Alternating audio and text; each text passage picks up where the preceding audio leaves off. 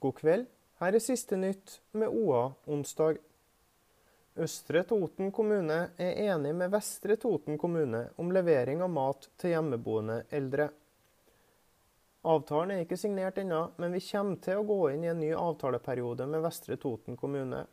Det kommer også til å bli noen endringer i tjenesten, sånn at prisen per dagsporsjon kan bli litt lavere.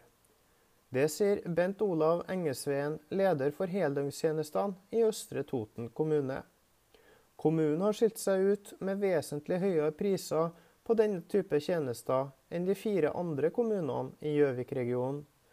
For å kutte prisene må Østre Toten også kutte ut desserten.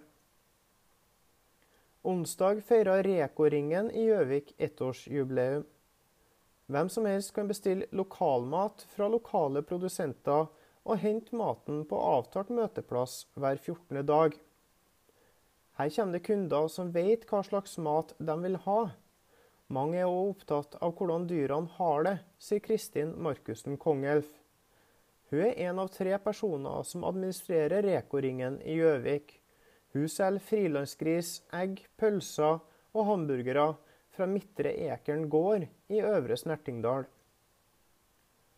Avsperring med port og hengelås hjelper ikke. Elkjøp i Gjøvik opplever tyverier og at folk setter fra seg alt mulig på returområdet.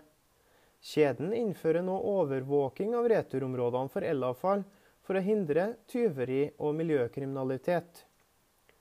Løsninga er allerede testa ut og har gitt meget lovende resultater, sier administrerende direktør Fredrik Tønnesen i Elkjøp Norge til sin egen hjemmeside.